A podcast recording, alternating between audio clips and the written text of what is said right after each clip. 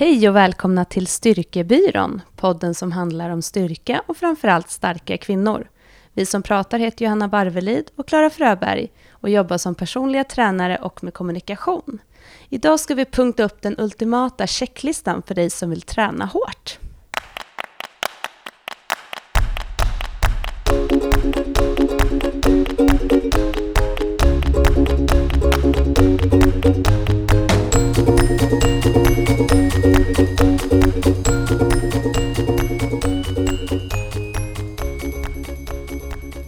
Vi får många frågor om hur man ska äta, hur man ska träna och eh, till och med eh, faktiskt vad man ska ha på sig när man tränar. Eh, många vill ju ha ett facit, alltså hur, hur ska jag göra för att det ska bli rätt? Men det finns ju inte ett rätt för alla. Men om du vill kunna träna hårt och kräver mycket av din kropp så finns det några saker som du kan checka av för att få resultat av din träning. Och vi tänkte faktiskt gå igenom de sakerna idag. Mm, det låter grymt. Men du, först Klara, måste mm. vi ändå prata lite om, eh, om eh, din eh, crossfit-satsning. Det går, ju, det går rykten på stan. det gör ju faktiskt det. Det är roligt. Jag la ju ut ett inlägg på Instagram att jag var på en nybörjarkurs i crossfit. Och jag, alltså det är ju en av våra så mest gillade bilder, Johanna. Ja. Ju, vad, vad betyder det? Det betyder att många känner att du har gått över till den andra sidan och att de är glada för det. Nej. Ja, det är roligt. Nej, men eh, så här var det ju att eh, vi har ju pratat i tidigare avsnitt om, om det här med att eh, få inspiration och göra någonting nytt med sin träning och då pratade vi om att crossfit kanske är någonting för mig. Men också just att bara testa för att jag har ju mycket fördomar om crossfit och prat, skämtar ju ofta i den här podden om crossfit också. Och så har ju vi många kompisar som håller på med det och sådär. Och sen um, har vi en kollega som heter Maja som um, vi jobbar med på Lofsengruppen Studio och hon kände också lite så här, nej men jag behöver bara, jag behöver lite inspiration. Ehm, och, så, och då är det så att jag känner en tjej som heter Anna Åberg som är coach på en box som ligger precis vid vår studio. Så att träna där är ju ultimat ur en närhetsaspekt för oss också. Det ligger alltså två minuter från studion och det är en box som heter Crossfit Eken.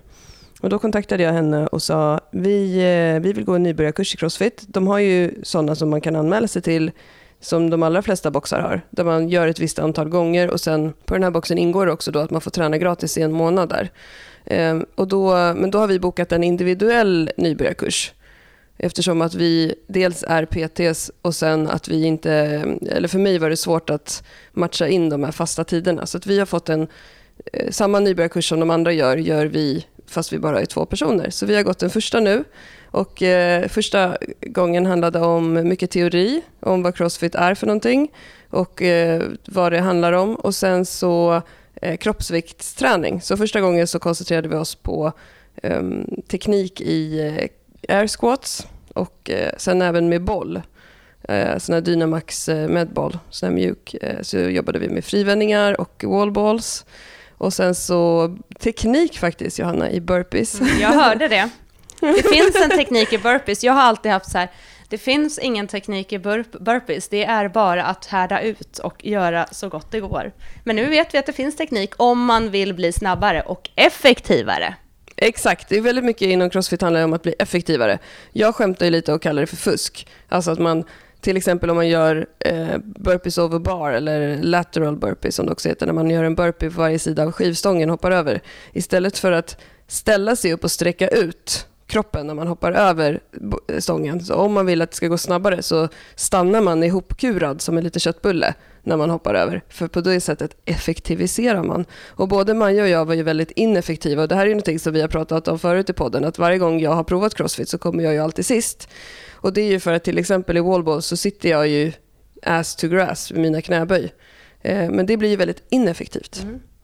Eh, och faktiskt så eh, kände jag, precis som Anna sa, att jag aktiverade rumpan mer när jag inte gick lika djupt i dem. Och då är det lättare att skjuta ifrån och få iväg den där bollen. Så vi testade även ganska tunga wallballs och det är ju fasen tungt alltså. Ja. Men, men, så det är roligt. Jag, jag hade lite jag, jag skämdes nästan lite när jag skulle lägga upp eh, filmen för att jag har lovat min PT att inte träna någon cardio. eftersom jag ska bygga muskler.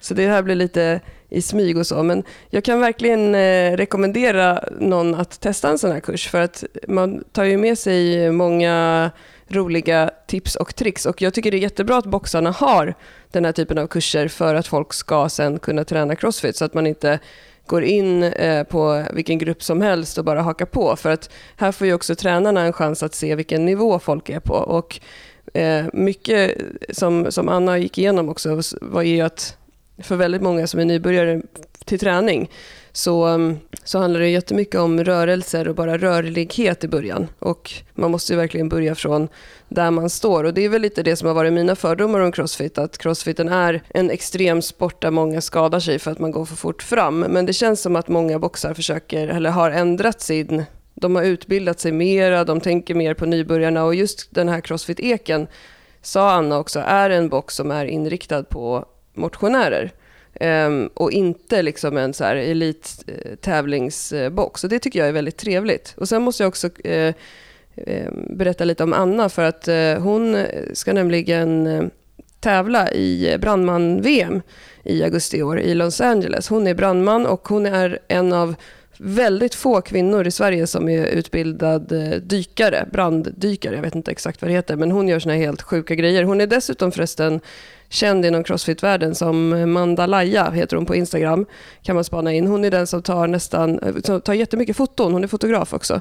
Hon tar väldigt mycket foton under crossfit-tävlingar, så har man sett de här bilderna på starka, starka kvinnor som gör helt sjuka grejer, så är det ofta hon som har tagit de bilderna. Hon är en jäkligt cool person och hon ska då tävla i rodd 2000 meter på roddmaskin på brandman-VM.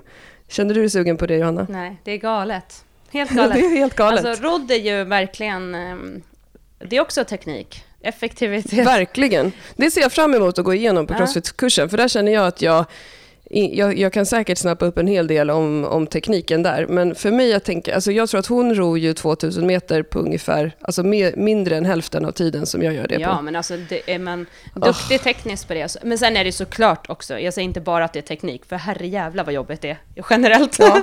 ja. jag bara, det är bara teknik. oh, nej, nej. Alltså, ja, men det är galet. Det är kul. Två kilometer på tid. Vi brukar ju, eh, när jag jobbar med PT-kunder, då kollar jag alltid på snitttiden per 500 meter. Ja, men det gör jag också. och sånt. Och då brukar jag uppmuntra de som vill köra hårt att liksom försöka ligga under två minuter per 500 meter. Då kör du hårt. Men alltså två minuter, det har väl Anna redan rott en kilometer på. Ja. Oh, ja, men det blir kul att följa henne. Så vi får, ja, verkligen. Så att eh, ni som vill, eh, hon har även ett Facebook-event som heter Row, row, row your boat på Facebook. Och där kan man eh, följa det här. Eh, och eh, hon letar även sponsorer till sin resa. Eh, till eh, utrustning och inför träningar och sådär. Så, så jag vill verkligen credda Anna. Hon är en sån här eldsjäl som har funnits länge inom crossfiten, eh, länge inom träning-Sverige och eh, är jätteduktig och driven. Så att, eh, om, om det är någon som, som förtjänar feta sponsorer så är det Anna. Så in och spana in det. Eller så kollar man på mandalaya.se. Bra. Nej, men det är kul att du har börjat med crossfit, Klara. Men sluta. jag, jag, alltså jag får säga det till alla lyssnare, tyvärr. Alltså jag kommer inte bli någon crossfittare. Ehm, jag har ju lite svårt att motivera mig till att göra burpees. ja, det är för jobbigt. ja, nej men, men det är ändå det som du pratar om nu, det tycker jag, mm. just det här som du sa nu, att man har de här nybörjarkurserna för mm. att sen kunna träna liksom på en box och följa liksom deras mm. pass och programmeringar och så vidare. Eh, det gillar ju vi att höra. För det mm. är ju som du säger, jag tror att det är en så... Det, såklart att det finns på många boxar, men jag tror man... Det är ju jätteolika på olika boxar såklart. Alltså, mm, det är det ju verkligen. Men om man vill börja träna crossfit så är det väl jättebra att man försöker få någon typ av sån, eller gå någon typ av nybörjarklasser där det verkligen blir eh, det här som man bygger upp lite från grunden. Och det mm. tänker jag att det kommer vi prata lite om idag när vi ska punkta upp de här uh, punkterna kring är du förberedd för hård träning? Mm. Jättebra. Eh, och en, en lista som jag tror att många av våra lyssnare eh, vill ha. Vi är ju lite emot du och jag det här med att ge så det rätta svaret på alltså, vad man ska på sig. Vi har ingen aning. Jag, jag sa det igår till en, en tjej på gymmet. Alltså, du och jag har ju typ på sånt som vi har fått i en påse av Lovisa Sandström som hon inte vill ha längre. Alltså, vi lägger inte så jättemycket energi på vad vi har på oss. Okej, okay, nu kan du prata för dig själv, Klara. jag, jag har inte det. Men nej, nej, ja, men vi... Du, nej, du har ju ändå matchade strumpor. Ja, Det exakt. lärt Det, är det jag försöker förklara här. Jag försöker ändå tänka lite genomgående. alltså hur många gånger har jag inte sagt till dig Klara, bara, alltså du kan inte ha de där strumporna. Men som du märker, jag lägger väl kanske inte så mycket energi på det då. Nej. Men eh, det är skönt med eh, böjsäkra tights. Jakten efter böjsäkra tights är ju alltid eh, för mig, alltså sådana tights som inte blir genomskinliga. Genomskinliga och som sitter kvar. Ja, precis. Så att, eh, det kan ni ju st- stötta varandra, lyssnarna. Ni, eh, ni kan ju eh, tipsa varandra på Instagram, på vårt Instagram, vad ni har för böjsäkra tights till varandra. Annars så rekommenderar vi ett par stabila skor och någonting som du törs skita ner lite med magnesium. Ja, jag tror att det är ändå bra när man ska köra typ marklyft och sånt, att man kanske inte har de finaste tightsen som man är typ rädd Mm. om, för de kan ju faktiskt bli rätt slitna på, på benen. Yes, förhoppningsvis. men jag, en sak som jag tycker, som jag tycker är med tights, som jag, Mm. om någon vet här, kan de få tipsa om det. För mig sitter alltid alla tights så satans hårt nere vid fotleden, för jag har ju liksom inte de här petita fotlederna. Mhm. Ja, så det är en sån sak. Alltså jag tycker att alla, många tights sitter väldigt hårt där. Mhm. Ja, men det, du kanske ska ha lite såna här kortare tights då? Nej, det vill jag inte ha. Jag vill ha långa. För du har ju annars de här, alltså jag älskar ju när du är in season för dina hotpants. med dina, med dina monsterlår. Jag älskar ju dina lår som är så här skitsnygga och muskulösa. Jag har aldrig riktigt kommit dit på gymmet att, att, eh, att ha korta, korta hotpants, men det kanske kommer. Ja, en dag. Svarta tights är min favorit. Mm. Ja, jag gillar också egentligen svarta. Jag har köpt lite med så färg och sånt nu. Det är lite roligt. Jag tycker, för, för mig handlar det mycket om det här med att ändå man jobbar i träningskläder och tränar i träningskläder. Liksom. Så man har ju det så ofta. Och då tycker jag att det är lite kul att kunna ha så här, till exempel när jag jobbar, då vill jag lite, ha lite mera Kanske, då kanske jag mer tänker på vad jag har på mig. För att jag tycker att det är lite roligare än att jag skulle bara så här, då skulle jag kanske inte ta mina så här marklyftstights som är så här lite slitna Nej. och noppriga. Eh, så att liksom lite så är jag i alla fall, att man tänker, eftersom det är jobbkläder så vill jag ju känna att jag står där och känns i alla fall fräsch, inte så här smutsig och hål i typ. Mm. Nej, men det, det, det går ju väldigt mycket träningskläder i, i en garderob när man jobbar med det. Man har på sig när man jobbar och sen så tränar man själv. Så det går ju ett antal set varje vecka. Eh, och det tog ett tag för mig att förstå att jag verkligen har rätt att prioritera det här i Mm. min garderob. Eh, att det inte är slösigt utan att det faktiskt är funktion. Men du, Mm. jag tänkte, jag, jag drar våra punkter i listan och sen tänker jag att vi ska gå in mer på varje punkt och prata lite om det. Yes, den ultimata checklistan. Är du förberedd för hård träning? Mm.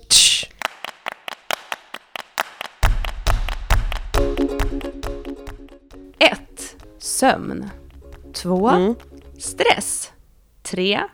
Kost. 4. Kroppen.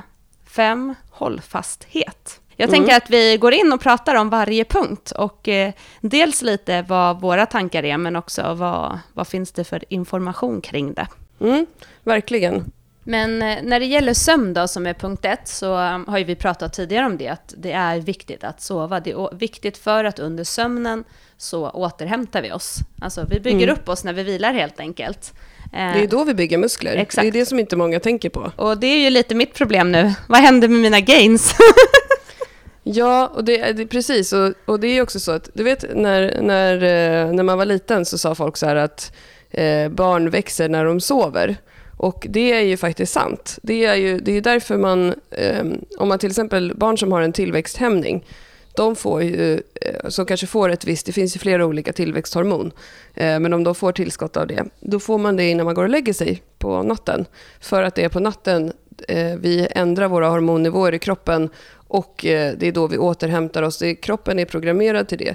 Det är ju också en anledning till varför man inte rekommenderar någon som jobbar natt inom till exempel vården att jobba heltid.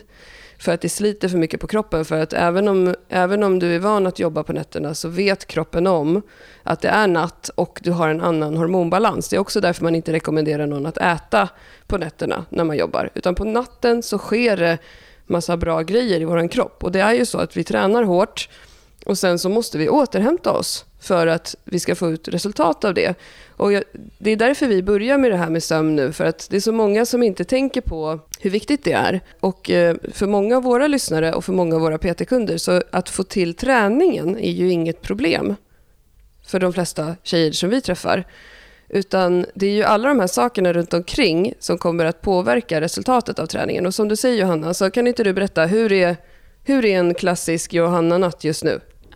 Ja, nu skulle jag säga att jag tror vi precis har kommit ur det värsta, men jag har haft typ tre veckor nu med i princip, jag tror knappt att jag har sovit en hel timme i sträck.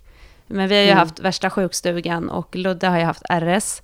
Så mm. det har ju varit helt bananas. Och man klarar ju, typ första liksom veckan, då känner man ju sig så här, okej, okay, men man går ju på någon typ av extra liksom. Men när det där börjar ta slut, så är det mm. ju, alltså det finns ju liksom ingen energi. Jag har ju så här, druckit så mycket kaffe de här dagarna och veckorna, mm. att jag känner så här, nu typ börjar det så torka ut. så mm. känns det. Men, eh, men som sagt, vi börjar se slutet på det där och det där är väl så här perioden man får gå igenom. Men för mig har det ju varit så här, det enda jag har verkligen fokuserat på de här, den här tiden är att så här, jag är jättedålig på att ta det lugnt på dagarna, så att jag har försökt att så här, istället för att träna och, och liksom pusha min kropp, så har jag varit så här, okej, okay, gå ut och gå en promenad, få frisk luft, typ. Det har varit mm. så här, mm. fokus. Eh, men man märker också, eller för mig är det ju så att när jag inte sover så här bra och kroppen inte funkar, för det är så jag upplever det, då är det ju mm. liksom så här, jag är ju knappt hungrig liksom, jag blir inte hungrig, allt, allt det här som är helt naturligt för mig annars, det liksom mm. skakas om lite. Men nu känner jag så här stor skillnad och jag har varit så här noga med att verkligen så här äta, försökt att nästan så här ställt klockan för att jag ska äta liksom. Och mm. fått frisk luft och ändå försökt så här att så här, gått och läckt mig lite tidigare på kvällarna och så vidare. Men, Men det är ju utifrån så är det så lätt att se att självklart skulle inte du kunna förvänta dig några gains eller att du ska liksom, det är inte nu du ska satsa på på din styrke, eh, styrketräning. Det, för din kropp kommer inte, du kommer inte få ut någonting av det. Och då kommer du ändå bara gå och känna, var, varför, varför, varför händer det ingenting och så vidare. Plus att passen inte kommer bli något bra. Och det, det, alltså man, utan sömn så blir man ju helt koko. Jag, jag satt och skrattade högt igår faktiskt åt ett Instagram-inlägg som Kitty Jutbring, som är programledare, eh, hade lagt ut. Att hon hade råkat hälla mjölken i snabbkaffeburken istället för i, i, koppen. Och då var det flera som hade kommenterat på det inlägget på så här sjuka grejer som trötta småbarnsföräldrar gör. Då var det så här, någon som hade stoppat in nappen i munnen på sin sambo. någon, någon, som hade postat en pizza istället för, um, istället för paketet och kommit hem med paketet. och så här, eh, ja, alltså just det här när man är så där trött och att då tänka att man ska så här, gå och utsätta kroppen för Eh, liksom nedbrytning som ändå träningen är. Och det här, nu har ju du haft det extremt Johanna, alltså för ni har ju inte ni har ju inte haft RS hela tiden sen, sen Ludde föddes. Nej. Och Ludde har ju ändå varit en bebis som har varit ganska nattregelbunden eh, och sådär innan. Men det är ju ändå det här att eh, för du gillar ju också att sitta upp och tjabba med mig ganska sent på kvällarna. Och just det här att när barnen somnar, det här känner säkert många igen, när barnen somnar då vill man ju börja göra sina grejer, sina vuxengrejer. Och så kommer man kanske i sömn lite, säng lite senare. Och så kanske det ändå är ett till två uppvak per natt med att så stoppa in en napp eller byta en blöja. Och sen så ska man upp klockan sex och så ska man få iväg massa barn till skolan. Så här har ju också många som också jobbar heltid som vi träffar. Många kvinnor som, som tränar med oss. De har det ju så fast de också har ett heltidsjobb. Och själv kan jag också känna igen att, för jag är också en, en eh, både du och jag har ju det här äh, lite hyperaktiv varningsbeteendet och båda gillar att prestera äh, och äh, jag driver ett eget företag med många uppdrag och har ju också känt på sistone när jag har fått en egen ekonomi att jag måste liksom shapea upp mig och då blir det väldigt ofta sova 12-1, klockan ställs tidigt och det är inte bra. Alltså, det finns ju forskning mycket forskning på just sömn och träning som visar att man får en mycket bättre effekt på muskeltillväxten. Eh, du får mer till, utsöndrar mer tillväxthormon. Det händer massa positiva saker när du sover. Och jag vet att såna här riktiga hardcore bodybuilders som lever på sin bodybuilding, de sover ju liksom 12 timmar per natt mm. som så här monster för att, för att gaina så mycket som möjligt. Och de flesta kvinnor som, som kommer och tränar hos oss de tycker ju att en 6-7 timmars natt är bra. Ja, men och sen det är klart att nu det som du sa, det är ju, där snackar vi ju elit. Och det är ju precis mm. samma sak som människor som jobbar med träning. Alltså nu pratar inte jag i bemärkelsen som vi jobbar med träning, utan som faktiskt är på elitnivå, som man har det som sitt jobb. Så det är klart mm. att man har ju så mycket mer möjligheter att sova och vila än vad en person har som ska också jobba och har dagishämtningar och lämningar och som har Mm. liksom andra åtaganden än en person som faktiskt så här, jag går och lägger mig och sover en stund och så sover jag dessutom Mm. på natten. Så det är superviktigt och väldigt många eh, sover ju alldeles för lite. Och jag, det har vi pratat om tidigare i ett sömnavsnitt, men att eh, regga sin sömn, det kan vi verkligen rekommendera när man dessutom vill då gå på det som den här listan handlar om, hårdare träning. Regga sömnen, se själv hur mycket eh, sover jag och också i den här reggningen ha lite koll på hur ser nätterna ut. Är det liksom att du går och lägger dig och sover dina sju timmar från, från att du somnar tills att du vaknar, ja men det kanske inte är helt galet. Men är det så att du vaknar fyra gånger och dessutom måste gå upp och fixa någonting på natten, då kanske det inte är lika bra längre.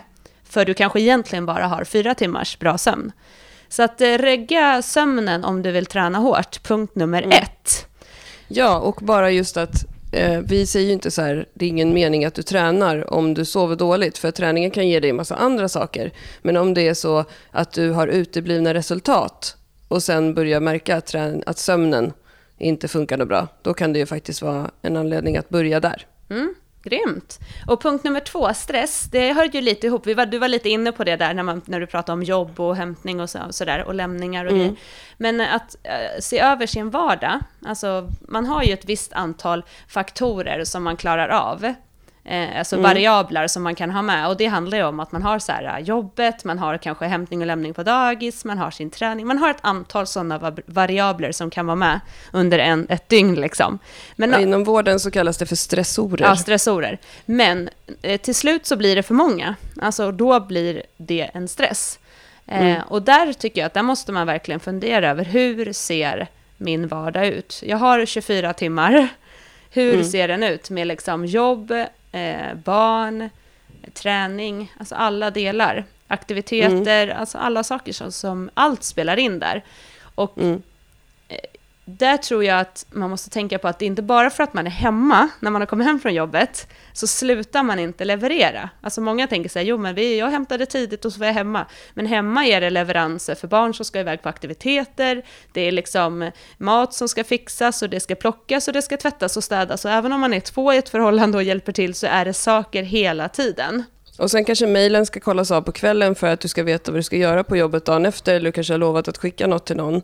Och då kommer det tillbaka igen och det kanske hela tiden finns, finns i ditt huvud. Och är man helt sysslolös och avslappnad och så här, är en student utan barn som inte har något extra jobb utan kommer hem från plugget och bara nej men nu har jag liksom sex timmar framför mig då jag inte riktigt vet vad jag ska göra. Alltså, bra gains du kommer få. Men eh, de allra flesta lever inte så. Och här återigen generaliserar vi att de flesta PT-kunder vi träffar, för det är ju så att den vanligaste PT-kunden är en kvinna med barn och en karriär som vill eh, använda sig av PT-träning för att få ut mer av sin träning, för att man också har råd med det. Eh, då, då har man ganska många såna här stressorer i sitt liv. Mm. Så att det måste man se över och det är återigen för att kunna träna hårt och få de resultat man vill. Sen är det klart att träning, precis som du sa med sömnen, vi säger inte att om man inte sover ska man inte träna, för det finns väldigt mycket positivt för träning, med träningen. Precis samma sak här, även om du har en väldigt intensiv vardag så kan det vara väldigt skönt att träna, men det är viktigt att också då träningen blir utifrån det. Alltså att den blir kanske på något sätt lugnare eller att den kanske är hård men att man då ser till att man får den här breaket och att det inte är ens någonting annat som blir helt bananas bara för att du tränar.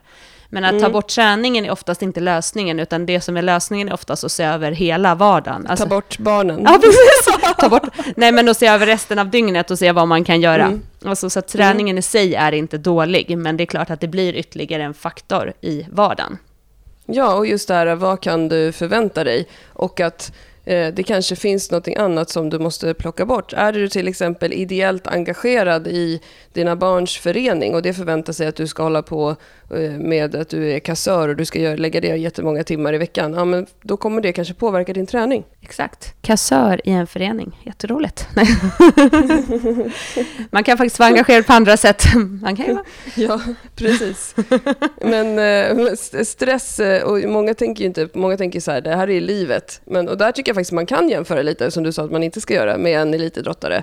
Eh, De som har det här som jobb, hur mycket tid lägger de på att skala bort allting omkring och eh, återhämtningen. Mm. Nej, men jag tror att många kan prioritera annorlunda. Alltså, jag tror att man vill inte göra det, men då måste man ju fundera på vad som är viktigt. För att alla mm. har prioriteringsmöjligheter, det är jag helt säker på. Sen ser de olika ut, men man har möjlighet att prioritera sin vardag. Alla har liksom ett val. Sen mm. säger jag för den skulle inte att alla har det skitlätt och att det är jättelätt, men man, ser man över så är det så att mycket tror man i den, här, i den här punkten, som jag själv kan bara se tillbaka, att man tror att det är saker som är så viktigt. Men mm. att när man väl funderar kring det så finns det ganska mycket man kan göra utan att egentligen det blir så mycket sämre vardag, utan snarare tvärtom. En sak som är väldigt bra, det är att säga nej. Mm, håller med. Eh, I vissa delar i mitt liv så är inte det svårt alls, för att jag känner också att eh, jag är en ganska tråkig människa om man jämför med många som prioriterar så himla mycket saker. Jag prioriterar till exempel igår kväll så hade jag tränat ett tufft pass och så här, det heter ju, många säger att man är barnfri. Jag känner mer att jag är barnlös nu när jag inte har mina barn. Men en, en fredag, jag eh, har ingenting att göra, då går jag hem och, och vilar. Mm. Alltså, du behöver så präktig har jag blivit. Eh, för att jag har haft en sån period. Och det är ju det är väldigt många som känner, har mycket stress kring eh, det privata. Alltså att man måste vara med på allting hela tiden, känner jag. Eh, det är mycket events och det är middagar och det är fester och det är folk som fyller år. Och Ehm, det är liksom barnkalas och det är vuxenkalas. Och det är, jag, jag är bra, det har jag faktiskt lärt mig mycket av mitt ex också, att säga nej. Mm. Man behöver inte vara med på allt. Samvete. Nej. Nix.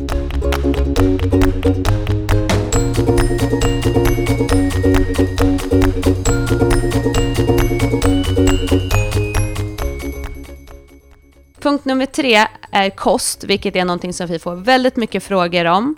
Eh, det är väldigt laddat ämne och många, vi upplever att många tycker att det är väldigt svårt. Och kosten är ju, hur man än vrider och vänder på det, en väldigt viktig eh, eh, punkt i om man vill träna hårt och få resultat. Ja men verkligen. För, för min egen del så är det på prio ett just nu för att jag vill bygga muskler. Jag har inget problem att gå till gymmet, eh, att motivera, motivera mig till att träna hårt. Och jag kan prioritera det här med återhämtning och sömn mera. Men kosten är för mig eh, svårare för att jag måste äta mer nu för att jag vill bli större. Jag, vill, eh, jag har tappat i vikt och jag vill eh, gå upp igen och bygga muskler. Och, eh, det blir väldigt tydligt tycker jag att om man bestämmer sig för den här checklistan som vi går igenom nu. Den checklistan skulle kunna vara gjord rakt av till dig och mig också. Så blir det väldigt tydligt var, var man behöver lägga energi. Och Det är så lätt att fastna i att ja, men det är bara att träna hårt så kommer resultaten att komma. Men precis som med stress och sömn så behöver man också få i sig bra energi om man ska orka träna så som, ja, som i alla fall jag vill. Beast mode. Mm. Mm. så att, eh, och jag, eh, nu är ju du och jag lite lika där Johanna. Att vi är ju lite så här, eh, dels Duracell-kaniner som springer runt och fixar massa grejer. Vi har ju inte det här problemet att vi länsar skåpen på kvällarna och sitter och käkar chips. Utan vi är ju snarare de här som kommer på att så här, oj, det har visst gått sex timmar och jag har inte ätit frukosten. Mm, lite så. eh, och alltså vi behöver eh, aktivt eh, planera in. Det behöver ju alla. Alltså om jag, jag känner att om jag ska få till en bra matvecka med bra råvaror, då behöver jag också lägga planering på att få till min mat. Och nu pratar inte jag om att det ska vara någon så speciell diet eller någonting. Och det här är ju det som vi får nästan mest frågor om. Det är ju det här när vi säger ät vanlig mat. Johanna, vad menar vi med vanlig mat? Vanlig mat är exempelvis ris, potatis, eh, bulgur, pasta, quinoa, eh, matvete, alltså kolhydratkällor, eh, mm. rotfrukter. Eh, det, det är kött, kyckling, fisk. Är man vegetarian finns det vegetariska alternativ.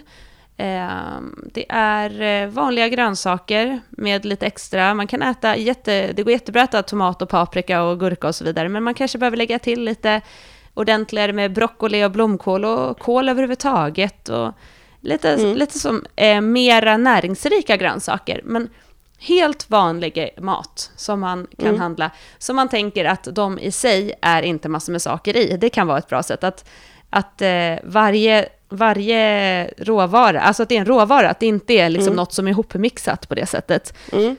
Så tycker jag att det är bra att tänka. Sen typ köttfärs, man kan, det är malt kött, det tycker jag är ett jättebra alternativ för många och det kan man göra massor med bra saker av till både barn mm. och vuxna.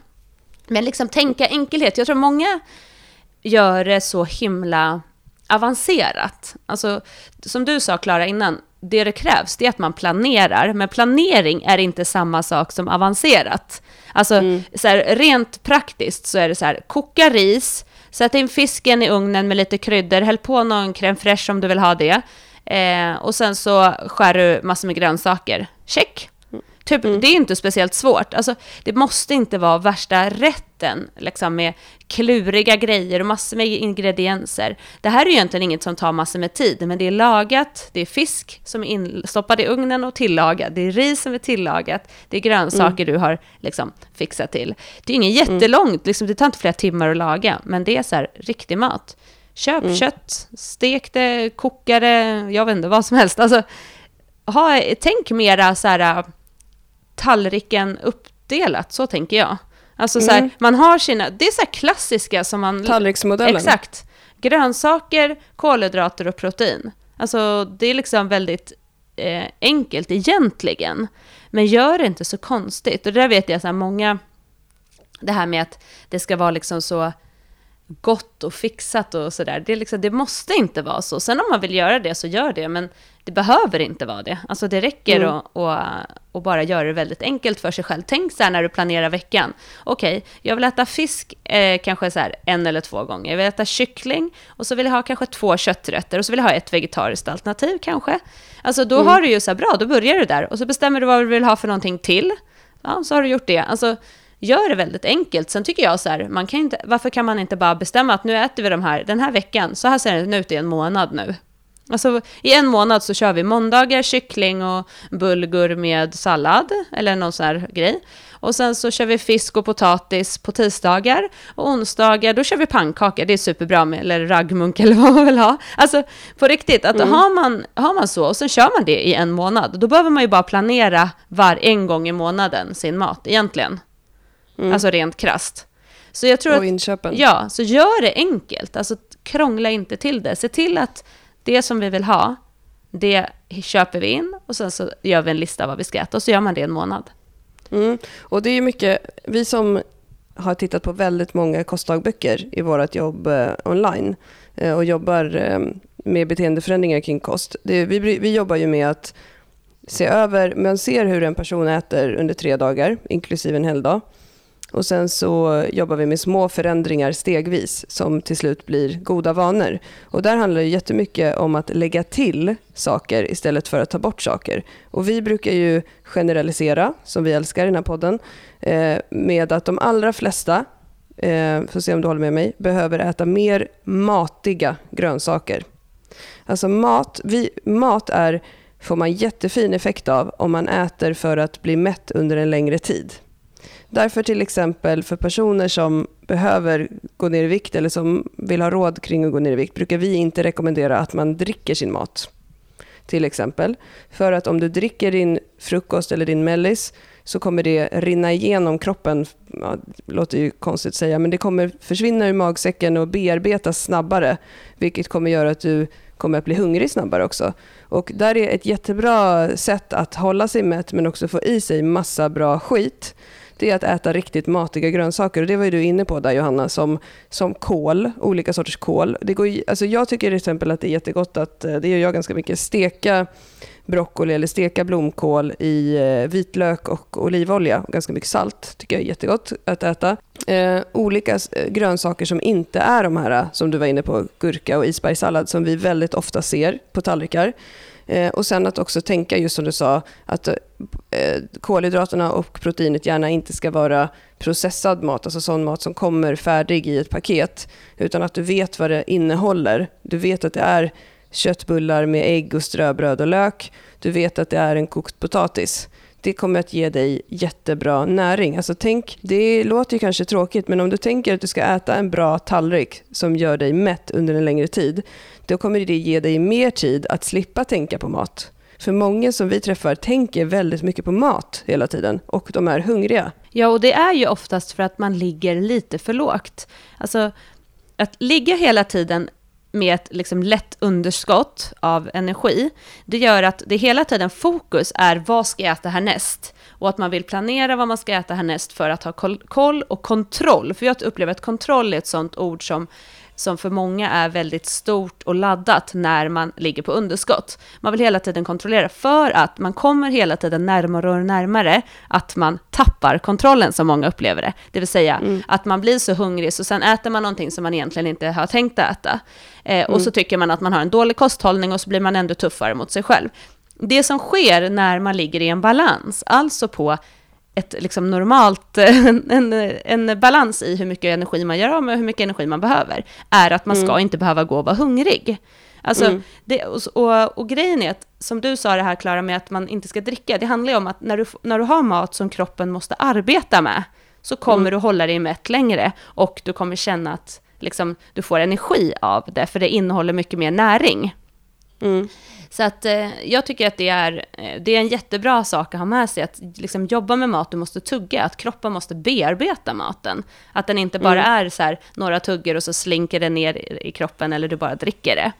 Mm. Eh, och sen har vi ju pratat om det här, om man ska träna hårt, eh, så måste man inte ligga på värsta överskottet av energi om man idag ligger på en balans. Det tycker jag ändå man ska lägga till när du sa också klart att du måste börja äta lite mer nu. Det handlar ju mm. om att du ligger ju inte på en balans som det är nu. Det är ju sann, alltså du har ju haft en period där du har eh, liksom haft en tufft och du har inte ätit lika bra.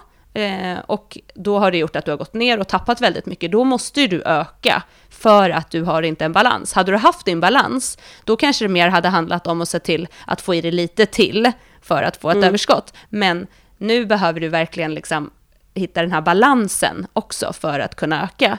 Och det tror jag är mm. viktigt att man tittar på, att man kanske redan ligger lite överskott och så tänker man så nu ska jag satsa och så ska man lägga till ännu mer. Det behöver de flesta oftast inte.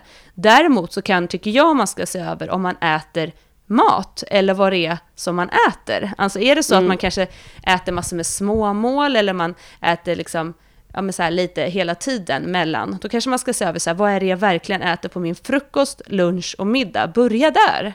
Sen mm. eh, är det väl jättebra om man vill ha mellanmål, att man äter det, men börja med att se över att få i dig ordentligt på frukost, lunch och middag. Mm, det var någon som frågade hur mycket ska man äta om man ska ligga på överskott och hur vet man hur mycket man ska lägga till och så vidare. Och det enkla svaret är ju bara just som du säger Johanna. Är du stabil, viktstabil, då eh, ligger du inte på något underskott eller något överskott. Antingen behöver du lägga till eller ta bort och där får man ju testa sig fram vad som funkar. Eh, och Sen eh, har vi också det här med protein som vi får mycket frågor om. Och, eh, det finns ju rekommendationer hos Livsmedelsverket kring protein men de rekommendationerna gäller ju inte folk som tränar utan de är mer så här, det här behöver vi för att överleva.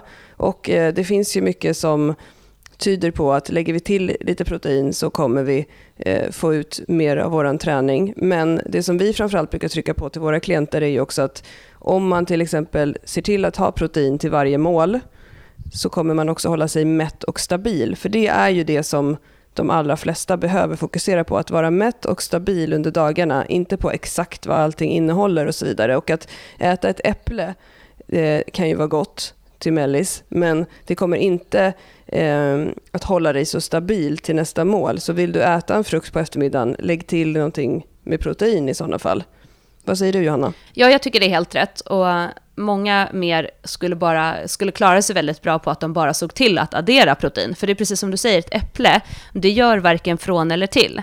Det kan vara bra om man är sugen, men oftast så kommer de flesta bli hungrigare efter det där äpplet. Så det är inte så att det ger en mättnad, utan vill man äta ett mellis för att stå sig, så skulle inte jag säga att ett äpple är bra. Handlar det om att man får ett sug som man ska typ jobba med. Det, ja, det är så himla olika vad det är för person och mm. därför så här beror det på. Men behöver du äta för att du behöver få i dig lite energi så behöver du lägga till något till ditt äpple, ja. Annars, ät en frukt om du tycker att det är liksom vad du vill ha, så är inte det något fel. Men eh, se då till att du får i dig på frukost, lunch och middag. Bra proteinkällor, så kommer du komma mm. långt på det. Alltså, mm. Men det är klart att äter du inte protein till varken frukosten, nu får man i sig lite protein för det är protein i så mycket, men äter man inte riktigt med protein till liksom frukost, lunch och middag, då blir det ju svårt att få i sig en daglig dos av det. Så är det ju. Ja, och då... ja men säg att man äter kanske en smörgås utan någonting speciellt på. Mm. Och sen en kopp kaffe. Det är ju gott. Men, eh, men just att eh, då får du inte den här, eh, du får inte i dig tillräckligt med protein helt enkelt för att hålla dig stabil och då kanske du är jättehungrig på förmiddagen och så äter du ett mellis som du blir kanske lite för mätt på och sen så äter du kanske för lite till lunch i den matsalen som du äter med alla dina kollegor och sen klockan tre så är det sån här bullfika på jobbet, du får inte i något vettigt då heller. Sen är du helt skakig och ska gå och träna och så vidare. Mm. Så ät bra. Jag återkommer alltid till det här när vi pratar om kost, att en bil skulle du aldrig tanka med fel bränsle. Det är exakt mm. samma sak tycker jag med kosten och din kropp. Alltså, mm. i med bra skit. Men ja. för den skulle inte sagt att man inte kan äta skit. Alltså, det där tycker jag mm. också är en och det där får ju vi eh, oftast frågor om också, så här, hur äter ni och hur tänker ni med sånt? Och jag, mm. alltså för det första så är det så här att ligger man i en balans så kommer man inte tänka så mycket. Alltså jag går inte runt och tänker så här, nu äter jag skit igen, eller nu stoppar jag i mig skit, mm. utan för mig är det naturligt. Om jag är sugen på någonting, om jag vill ha en bulle till kaffe eller någonting, då tar jag en bulle till kaffet om jag är sugen på det. Är jag inte sugen på det så tar jag ingen bulle även om det serveras. Alltså, mm. för mig är det inte så laddat. Eh, det är samma sak med om jag är sugen på liksom, lite chips till eh, Eh, något, jag vet inte, något fredagsmys eller vad det skulle kunna vara, så tar jag chips om jag är sugen på det. Är jag inte sugen på det så behöver jag inte äta. Och det, jag tror att det där, att komma till att försöka ha en sån balans, att det inte blir så satans laddat. Alltså mm. att det är så här, vi pratar ju mycket om det här med att man kanske har ett visst antal fria, det är ju främst när vi pratar om personer som ska fokusera på sin vikt, att man ska ha till exempel mm. ett antal fria måltider. Eh, mm. och det blir ju på ett sätt, jag tycker att det är både bra och dåligt, för det kan vara ett sätt för dem att, eller för de här personerna att man säger okej, okay, bra, då är det de här som gäller, och så behöver man inte tänka så mycket. Man hjälper mm. till att ta bort laddningen. Samtidigt mm. så blir det väldigt laddat fram till den här måltiden, för att det blir så här, nu ska jag äta min fria måltid. Mm. Så det är lite dubbelt. Så det skönaste är såklart när man kan komma till balansen, där du ligger i så pass bra balans med din kost, att du måste inte äta det här för att du är så sugen, utan du är rätt nöjd, men du tar den för att du tycker att det är trevligt. Men jag, det som är, jag tycker att man kan tänka lite så här, om man har en vecka, så kan man tänka att om, jag brukar säga 70 eller 80, 30, 20, alltså det vill mm. säga om 70-80% är bra, och 20-30% mm. är så kallade sämre eller lite Ja, men kanske mindre bra. mindre bra då. Det är bättre mm. ord. Bra, Klara.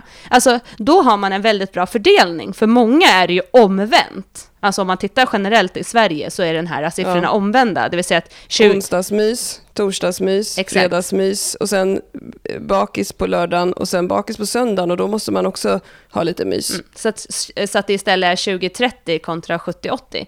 Så att mm. har man liksom en rimlighet i sin kost så kommer det att ge resultat i träningen. Då kommer man inte behöva oroa sig.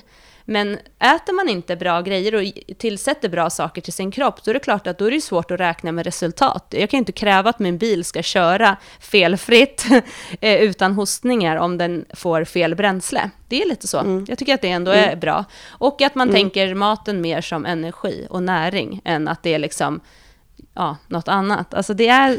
Det, är så... det, det som jag ändå måste säga Johanna, det är att när du pratar så här så låter det som att det är väldigt lätt också. Och för de allra, allra flesta så är det inte så lätt för att vi har så här invanda mönster, samhället säger massa saker till oss. De flesta läser såna här tidningar som, där det står massa trams om det här är bra, det här är bra. De flesta är helt, alltså det här naturliga instinkten kring att så här, jag äter några köttbullar och en potatis och, och bönor. Liksom. Den är så borttvättad från väldigt många människor. Eh, och Det leder till att folk inte har någon koll överhuvudtaget. Och där får man ju verkligen tänka steg för steg. Men de, men de allra, allra flesta kommer att uppleva en positiv förändring i sin kost om man börjar addera någonting näringsrikt till sina lagade mål som du var inne på. Alltså eh, frukost, lunch, middag. Att om man adderar saker som man kommer hålla sig mätt på länge och som är bra. Eh, det är bara det här, precis, det hände mig igår på väg, jag hade tränat hårt och eh, var på väg hem och eh, behövde handla middag. Och så tänkte jag eh, efterrätt, ostkaka som både du och jag gillar.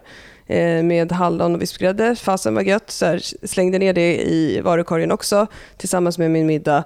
Och sen så lagade jag min middag och så åt jag den och sen så orkade jag inte göra någon efterrätt. Nej, för att du har Eh, ätit det- ordentligt. För jag behövde inte det och eh, jag var så trött och så vidare. Och det är, det, som, det är precis det vi menar med att addera bra saker till din kost. För då kommer du inte behöva känna, eh, känna det där suget och det kommer att göra väldigt mycket. Men det är ju med kost som han, eh, Dan John, som jag gick en utbildning för förra året, tränaren från USA, han slängde ju ut till alla så här, vad, om du bara har en timme med en klient, vad skulle du göra? Och alla satt och bara planerade värsta träningsprogrammen och sen så efteråt när han samlade ihop så sa han, gå till affären med dem.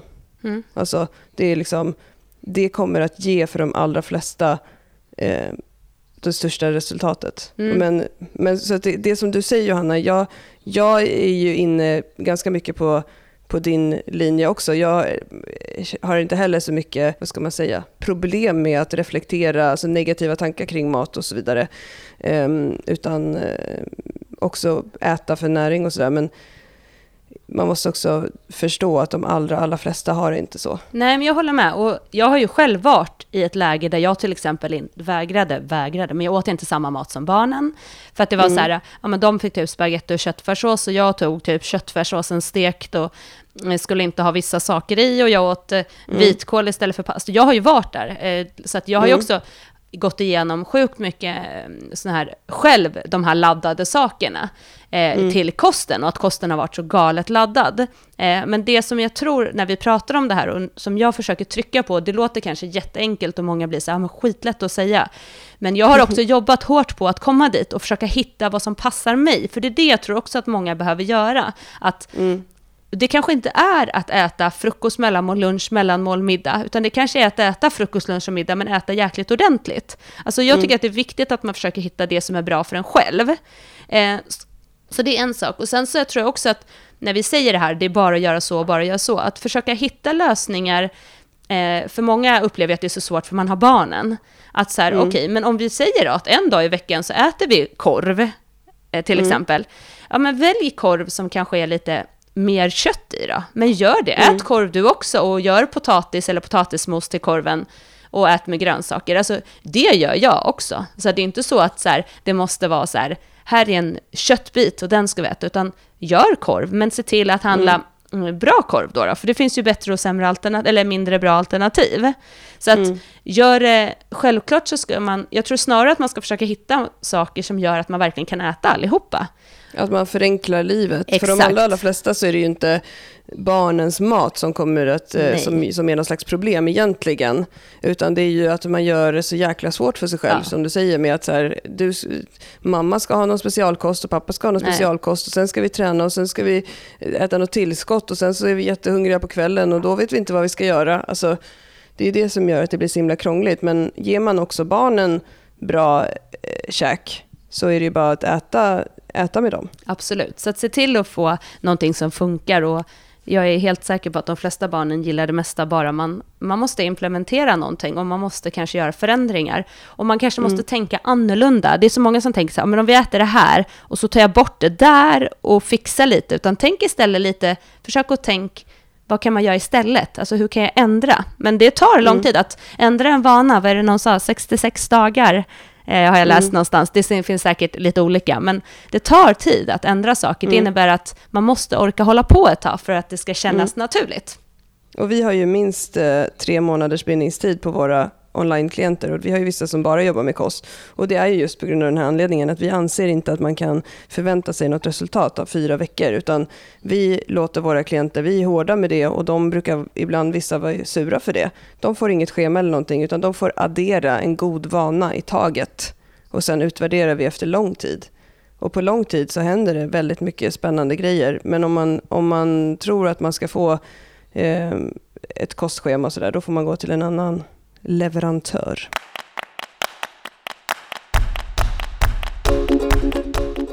Jag tycker att vi går vidare till nästa punkt. Det var en bra avrundning där. Punkt nummer fyra, kroppen. Alltså vad behöver du förbereda med kroppen om du vill träna hårt? Vad behöver vi checka av, Johanna? Ja, men det som är där, det handlar ju om så här, hur mycket har jag tränat hittills? Alltså, hur frekvent har jag tränat? På engelska heter det general physic preparation. Alltså Precis. att vi förbereder kroppen fysiskt för att träna hårt. Och Mm. eh, det som jag brukar jobba med mina kunder när de vill till exempel börja träna hårdare eller de vill följa en programmering och så vidare, då gör man liksom en check, check-up, så här, vart är du idag? Och Mm. då handlar det väldigt mycket om att göra de här rörelserna under en längre tid, eller en viss tid, bestämd tid, där du kanske inte tränar lika hårt, utan att passen är mer uppbyggda på att lära sig rörelserna, hitta liksom rätt i teknik och så vidare. Och därifrån sen kunna öka träningen och göra tuffare pass med liksom mer tempo, mer innehåll och så vidare. Så att, att man liksom inte går ifrån att säga jag har tränat lite då och då, någon gång i veckan och sen ska man gå på och köra stenhårt för då kommer det liksom att, jag tror att både motivationen och känslan och kroppen och det kommer kanske komma skador och så vidare. Så att, att du är fysiskt förberedd för att träna hårt. Mm, och det, vi har ju ett helt avsnitt om, som heter GPP, Mm. som precis det du pratade om, som man, man kan lyssna in i sådana fall. Och det är precis som du säger, det är, jag har ju många klienter som inte har kommit till att träna med skivstång än. För att de behöver göra vissa saker. Det kan vara rörlighet, det, det kan vara tekniken, det kan vara att man eh, behöver träna upp greppet. Det kan vara att man bara behöver lära sig att spänna hela kroppen. För många kan inte göra det. Det kan vara andningen, eh, mycket inre aktivering, eh, bålen, bålstyrkan. Eh, att, man får, att man får lägga fokus på de sakerna först Mm. innan man kan eh, hoppa på, precis som du, som du är inne på. Ja, och det där hör egentligen ihop lite med punkt nummer fem. De, egentligen så Mm. går de ganska mycket ihop, men vi har lagt det som en egen punkt. Eh, så, och den, det är hållfasthet. Det pratar vi jättemycket om. Att vara hållfast, det är egentligen allt det här handlar ju om, att vara hållfast. Mm. Eh, och där handlar det ju, tycker jag, mycket om just det här Eh, vad har, har jag en aktivering? Är jag tillräckligt rörlig? Eh, behöver jag lägga på mig mer muskler? Alltså, vad måste jag bli bättre på? Hur måste jag förbereda kroppen för att bli hållfast? Därav tycker jag att de två punkterna hör ihop väldigt mycket.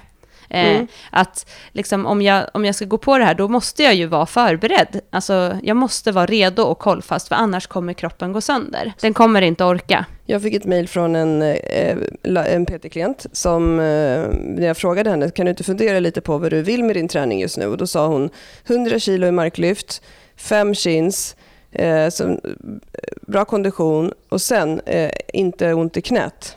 Mm. Vad skulle du, var skulle du, hur skulle du ändra om den listan, Johanna? Men då skulle jag säga att det första, absolut första vi fokuserar på är att inte du ska ha smärta. Mm, precis, och det skrev hon faktiskt längst ner. Skrev hon så här, nu när jag skriver det här så ser jag ju att jag borde sätta inte ont i knät först. Mm. Men och det, Och det är är, ju helt rätt. Ja, och det är ju att bygga upp den här hållfastheten. För får man ont någonstans, är man lite stel, låt oss säga att man har lite känningar i en axel till exempel, som är supervanligt för många. Mm. Alltså, och så ska jag börja lägga in både tunga, eh, eller tunga, men alltså att man ska gå på ganska tuff, liksom, med bänkpress och kanske pressar. Ja, men Mm. då kommer förmodligen min axel inte att hålla. Då kanske jag Mm. måste jobba en period med gummiband, jag måste se till att lägga på mig lite muskelmassa innan. Och Mm. Det tycker jag är superviktigt. Många glömmer bort det, att man tänker att så här, nu ska jag bara gå på och köra. Så att ska man börja och vill börja träna hårdare, så gör först ett, en del som faktiskt handlar om att kanske rörlighet eller lägga på sig muskler eller bara jobba in rörelserna. Så man säger ju faktiskt Mm. att för att en rörelse ska sitta i ryggmärgen eh, så ska man göra den 10 000 gånger. Det, det kan, det finns säkert en hel del olika, men man brukar säga så här i alla fall. Det, det det handlar om är att man ska göra det väldigt många gånger. Så jag tycker att innan man ska gå på och börja liksom verkligen fokusera på det, att man liksom har gjort det många gånger. Alltså gör rörelsen. Och det är lite det det handlar om, båda de här punkterna. Att man är förberedd. Precis, och det tycker jag ehm, är viktigt också att tänka på. Vad, vilken nivå ligger du på och vad är rimligt för dig? Jag lyssnade på en annan stor podd eh, om träning eh, lite grann igår som handlade om just, veckans avsnitt handlade om skador. Och eh, det är ju alltså det är Styrkelabbet. Jag tycker de är jätteduktiga och roliga. Men det man får tänka på, det de började med då var att de räknade upp vilka skador de hade haft. Ehm, och båda det, det är ju två personer som tävlar i styrkelyft på en hög nivå. Och det tycker jag att man ska tänka på som vanlig motionär. Att eh, ingen av mina PT-kunder tycker jag ska behöva ha skador och ingen av dem ska behöva träna på en sån nivå att de får skador. Men håller man på med en sport, då kommer man få skador, för det ingår när man sportar. Men eh, vanliga människor som vi träffar och tränar med, de ska inte behöva få skador av sin träning. Utan eh, hamnar man i det segmentet att träningen man gör gör ont på något sätt. Vi fick ju ett mejl häromdagen från en tjej som frågade hur hon skulle göra för att det gjorde ont i knät när hon gjorde knäböj. Ja, men då måste du göra någonting annat. Då måste du gå tillbaka till den här checklistan och se eh, vad, vad som krävs. För att de allra flesta som vi pratar till just nu, som har de här heltidsjobben, som kanske har familj, som har massa andra saker, de ska inte behöva eh, stressa kroppen på det sättet att man får en träningsskada. Nej, och får man ont så är det inte så att vi kommer lösa det med att göra vissa saker, utan då måste man dels kolla upp det om det är så att man har ont under en längre tid eh, mm. hos personer som är utbildade och har kunskap om det. Så att eh, jag tycker, eller ja, för, för oss är det ju både självklart att ha ont är nummer ett, det ska man inte ha, den ska bort. Sen mm. kan man börja fundera. Så att, att ha ont, då ingår det i de här punkterna, kroppen och hållfasthet. Det ska först lösas innan man går på och börjar köra på någonting. Sen är mm. det självklart så att beroende på vart man har ont och vad man har för problem så kan man jobba parallellt. Men det är en mm. annan sak. I det grund och botten ska kroppen vara redo med mängden träning och rörelserna och den ska ha en hållfasthet för att gå på och träna hårt tillsammans med mm. de här andra punkterna. Mm. Och du, en rolig sak, vi har fått, eller jag har fått i alla fall många så här skämtsamma eh, reaktioner och folk som har använt det ordet efter förra avsnittet, det här med konkav. Ett favoritord. ja, att vi använder det ordet. Eh, flera som har sagt så här, ja men jag är ju det här som ni säger, lite konkav och behöver göra ditten och datten. Och det tycker jag eh, det är roligt att folk har tagit till sig det. Men, och, det och det vi menar med det är just det att du kanske behöver addera lite, lite mer hållfasthet i kroppen innan du utsätter den för mer. Mm, grymt. Jag tycker att det är superbra. Mm. Men du, eh, de här punkterna tycker jag att vi, jag är nöjd. Mm. Men däremot så tänkte jag att vi skulle prata om en cool tjej som har i veckan gjort någonting. Ja, det Grymt. var ju eh, i fredags så tog eh, Isabella från Weissenberg från Sverige eh, världsrekord i minus 72 i eh, styrkelyft eh, och böjde 192,5 kilo. Det är coolt. Det är jäkligt coolt och det som är så coolt med den här tjejen är också att det, jag vet inte om den finns kvar, jag tror tyvärr inte den finns kvar. Det finns en, fanns en minidokumentär om henne förut på SVT Play som handlar om hennes eh, resa mot att tävla. För hon hade nämligen eh, problem med att tävla när hon började med styrkelyft. Hon, hade, hon var, tränade på en klubb och hade en tränare som såg att det här är liksom, här har vi VM-nivå. Men hon klarade inte av att tävla psykiskt utan det blev en för stor stress för henne. Och den dokumentären, är så, jag, jag grinade så att tårarna skvalade när jag såg den. För det slutar ju med att hon genomför en tävling. Och det är så stort och därför är det så extra häftigt att se den här tjejen eh, ta världsrekord. Sen är ju hon en, alltså där kan vi snacka beast. Om man följer henne på Instagram kan man se när hon så här reppar tior på 150 i böj. Eh, och eh, det, är så, det är så häftigt att se henne gå fram och bara ta tag i stången med, eh, det pratar vi mycket om i den här podden, eh, det här med anspänning, att ta tag, att liksom ta fram det där inom sig. Där kan man få mycket inspiration. Mm, hon är cool. Grattis hälsar vi från Styrkebyrån till henne. Mm, verkligen. Ja, men du, eh, ska vi ta och gå till gymmet då, Johanna? Ja, men faktiskt, jag tror det. Köra mm. lite. Mm. Bra. Gaina lite. Vi, vi, måste gå och gaina lite nu, så vi hörs då. Eh, idag har vi listat för er den ultimata checklistan för dig som vill förbereda dig för hård träning. Vad behöver du ta hänsyn till? Vi har gått igenom vad som krävs när det gäller din sömn, din stress, din kost, din kropp och din hållfasthet. Skitbra! Ja, eh, vad säger ni? Skriv till oss eh, och berätta. Eh, håller ni med oss? Vad behöver du jobba på? Eh, för min del så är det det här med kosten. Så att, jag käkade tre ägg till frukost i morse. Nu ska vi gå och lyfta lite så vi hörs igen om en vecka då. Ha det bra, tack för att ha ni lyssnar. Hej då!